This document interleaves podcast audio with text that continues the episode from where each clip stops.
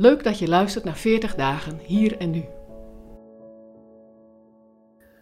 De podcast van dag 33 van de vastentijd heeft als titel Zo volg je Jezus in jouw gebedsleven. Je luistert naar een bijdrage van Hagar Prins.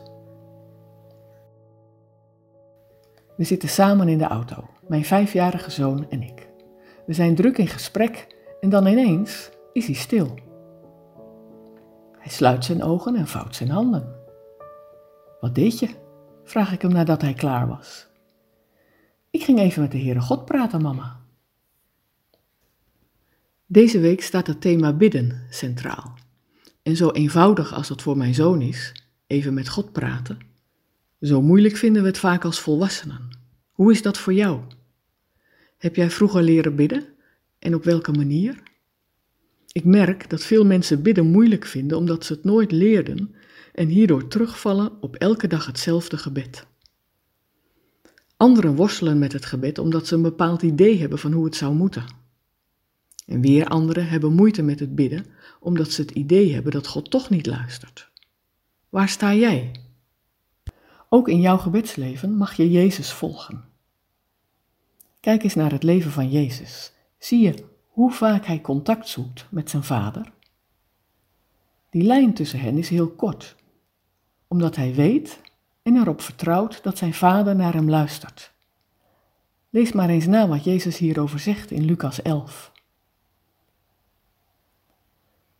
Betekent dat Jezus' gebeden allemaal verhoord worden? Nee. Ook Jezus kent die pijn. In de tuin van Gethsemane bad hij maar liefst driemaal: Vader, als het mogelijk is, laat deze beker dan aan mij voorbij gaan. Maar die beker ging niet aan hem voorbij. Omdat Jezus onderdeel is van Gods grotere reddingsplan. Jezus weet dat. Niet voor niets zegt hij direct daarna in Matthäus 26, vers 39. Maar laat het niet gebeuren zoals ik het wil, maar zoals u het wilt. Ik zie een rode draad in Jezus' gebedsleven. Hij zoekt God op, hij vertrouwt God en van daaruit is er overgave en kan hij loslaten.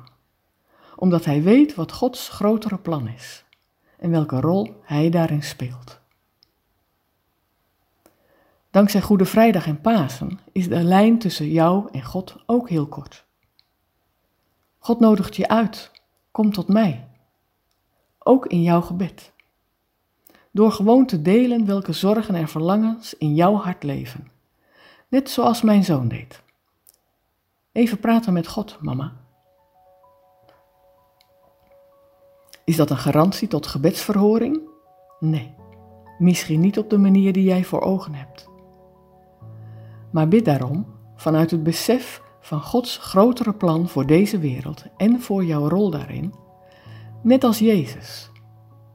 Maar laat het niet gebeuren zoals ik het wil, maar zoals u het wilt. Vertrouw en laat los. Laat het bij God. Let go and let God.